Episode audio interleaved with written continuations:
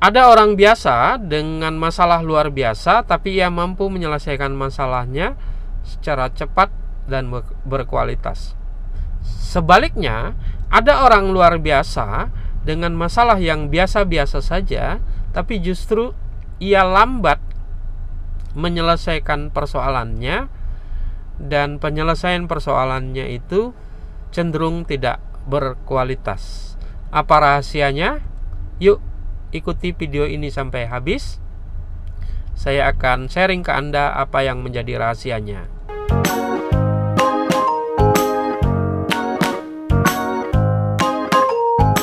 Hai, apa kabar semuanya? Semoga sehat selalu ya. Untuk yang sedang sakit, saya doakan Anda segera sembuh dan bisa beraktivitas lagi untuk yang sedang mencari pekerjaan, saya doakan Anda semoga lekas dapat pekerjaan yang layak. Untuk yang sedang meniti karir, saya doakan Anda semoga karirnya sukses. Untuk yang untuk yang sedang mengharapkan rezeki berlebih, saya doakan Anda agar Allah memberi keberlimpahan rezeki kepada Anda semua tanpa terkecuali. Sambil saya mempelajari ilmu-ilmu saya kembali, saya buat video ini, saya share semoga apa yang saya pelajari kembali ini juga bisa bermanfaat untuk Anda. Jadi yuk kita sama-sama belajar. Saya belajar, Anda belajar. Yuk kita mulai. Jadi Anda yang saat ini sedang mengalami masalah berat atau problem berat, Anda jangan khawatir dulu. Mungkin Anda berpikir ini berat bagi saya karena saya secara kemampuan ekonomi tidak baik, pendidikan saya rendah. Anda jangan frustasi dulu karena cepat atau tidaknya penyelesaian masalah, baik atau tidaknya penyelesaian masalah itu tidak ditentukan oleh tingkat pendidikan Anda, tingkat ekonomi Anda maupun luasnya pergaulan Anda. Jadi, apa rahasia berkualitas atau tidaknya respon kita terhadap masalah? Apa yang paling menentukan terhadap ini?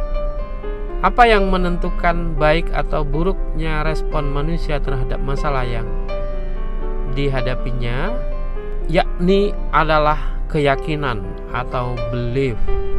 Keyakinan atau belief adalah sesuatu yang abstrak tetapi ia memiliki power atau kekuatan utama dalam kita menghadapi masalah atau problem.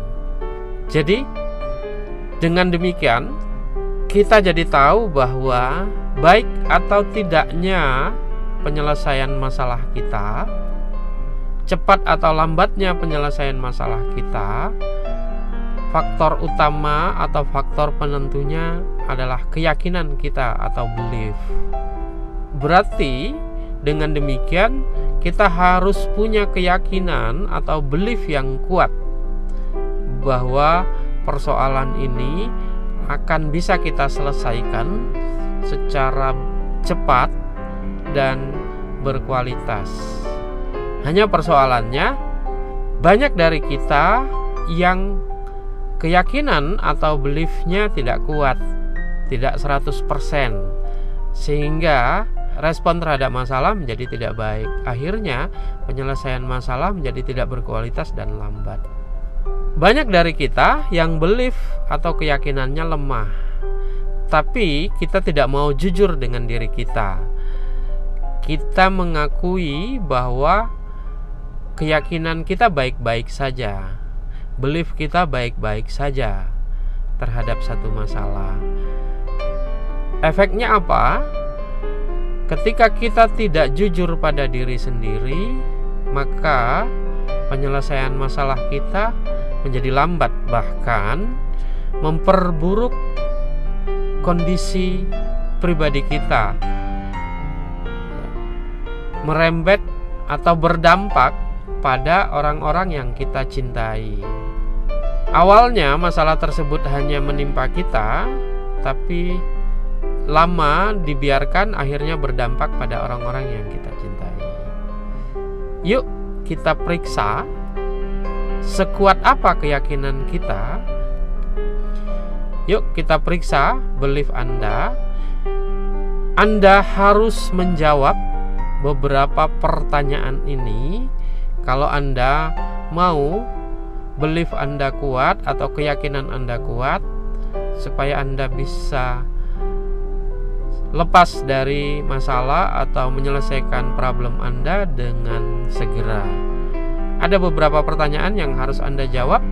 Anda boleh jawab dengan lisan atau kalau Anda anggap ini sangat penting bagi hidup Anda, anda bisa menjawab ini secara tertulis, Anda bisa mengambil kertas dan bolpen untuk mencatat jawaban-jawaban atas pertanyaan-pertanyaan yang akan diajukan berikut.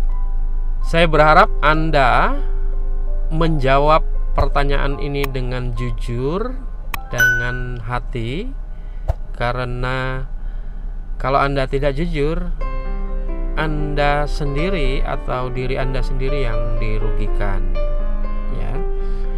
Saya minta Anda untuk mencerna pertanyaan-pertanyaan ini dengan hati ya, supaya Anda lebih terlibat penuh untuk menjawab pertanyaan-pertanyaan ini. Ada beberapa pertanyaan. Pertama, dalam skala 1 sampai 100% seberapa besar Anda yakin bahwa Anda akan menyelesaikan persoalan yang sedang Anda hadapi saat ini dengan relatif cepat dan berkualitas. Kedua, kalau keyakinan Anda belum penuh, belum 100% bahwa Anda akan menyelesaikan persoalan ini dengan baik dan berkualitas. Apa kira-kira yang harus Anda lakukan agar keyakinan Anda tersebut menjadi penuh 100%? Ketiga, kalau Anda tidak tahu apa yang harus Anda lakukan untuk meningkatkan keyakinan Anda penuh menjadi 100%, kira-kira kepada siapa Anda harusnya bertanya agar Anda dapat meningkatkan keyakinan Anda.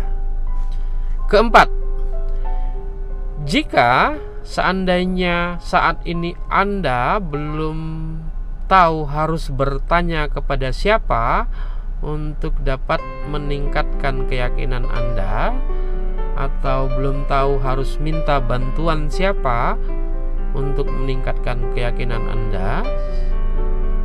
Siapa kira-kira orang yang bisa Anda tanyai untuk mencari tahu orang yang bisa memberitahu Anda cara-cara untuk meningkatkan keyakinan Anda agar masalah Anda relatif bisa cepat diselesaikan dan penyelesaian itu berkualitas. 5 jika Anda tetap memelihara keyakinan Anda yang lemah, jika Anda tunda penyelesaian ini, kira-kira apa dampak buruk yang akan Anda terima kalau Anda masih memelihara keyakinan lemah Anda saat ini? Keenam, apa yang juga jadi dampak buruk bagi orang-orang tercinta Anda kalau seandainya Anda masih memelihara keyakinan yang lemah ini. Baik, itu tadi ada enam pertanyaan yang harus Anda jawab. Anda resapi pertanyaannya, Anda bisa mengulang-ulang pertanyaan di video ini dari awal untuk bisa meresapi, memaknai apa yang menjadi inti pertanyaan Anda. Jadi, sampai di sini Anda tahu Apa yang menjadi rahasia bagi penyelesaian masalah-masalah yang selama ini dialami oleh orang-orang? Sekali lagi, rahasia cepat atau tidaknya masalah tersebut selesai, berkualitas atau tidaknya masalah tersebut diselesaikan tidak ditentukan tidak ditentukan oleh pendidikan tingkat ekonomi maupun luasnya pergaulan Anda. Tidak ditentukan oleh besar atau kecilnya persoalan Anda. Jadi bagi Anda yang saat ini mengalami masalah besar, jangan panik dulu, jangan stres dulu, jangan down dulu. Oke, semua demikian tadi sharing saya di hari yang indah ini untuk Anda. Semoga apa yang saya bagikan ini menjadi bermanfaat bagi Anda.